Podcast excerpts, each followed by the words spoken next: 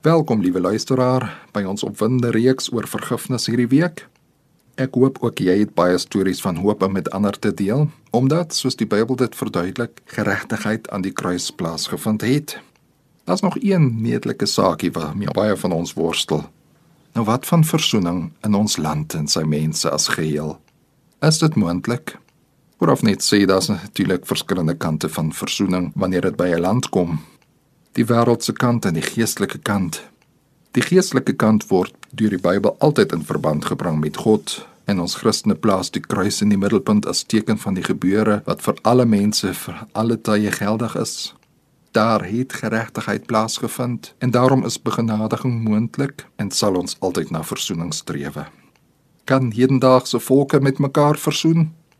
Vanselfsprekend ja, en ons het baie voorbeelde in ons geskiedenis maar dit blyk asof elke volk sy eie paadjie moet stap.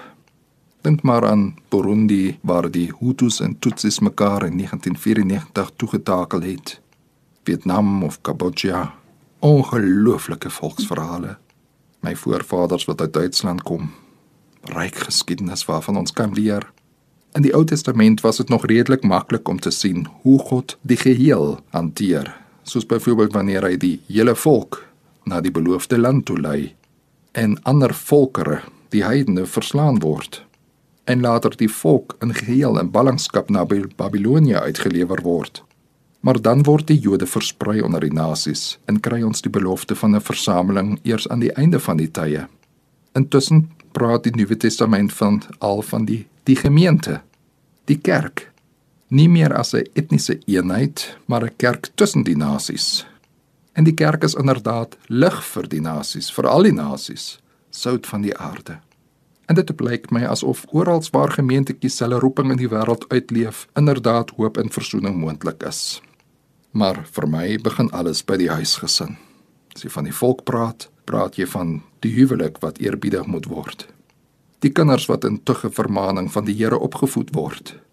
Die 10 gebooie wat gehoorsaam word die geestelike verhouding met die Here wat ernstig opgeneem word ensovoorts. En dan as kollektief, as gemeente, reik ons uit na mense in ons omgewing, na skole en ons vlek ook die dinge op wat in die verlede verkeerd geloop het of tans verkeerd loop. En as ons saam as verskillende etniese groepe onder die woord van God kan versamel, saam belydenis kan doen en teenoor mekaar vergifnis uitspreek, dan blom 'n hele gemeenskap op. Kom ons bid. Here, ons land het genesing nodig. U bring dit. U is ons hoop en toeverlaat. Wys vir ons die pad in die toekoms. In Jesus naam. Amen.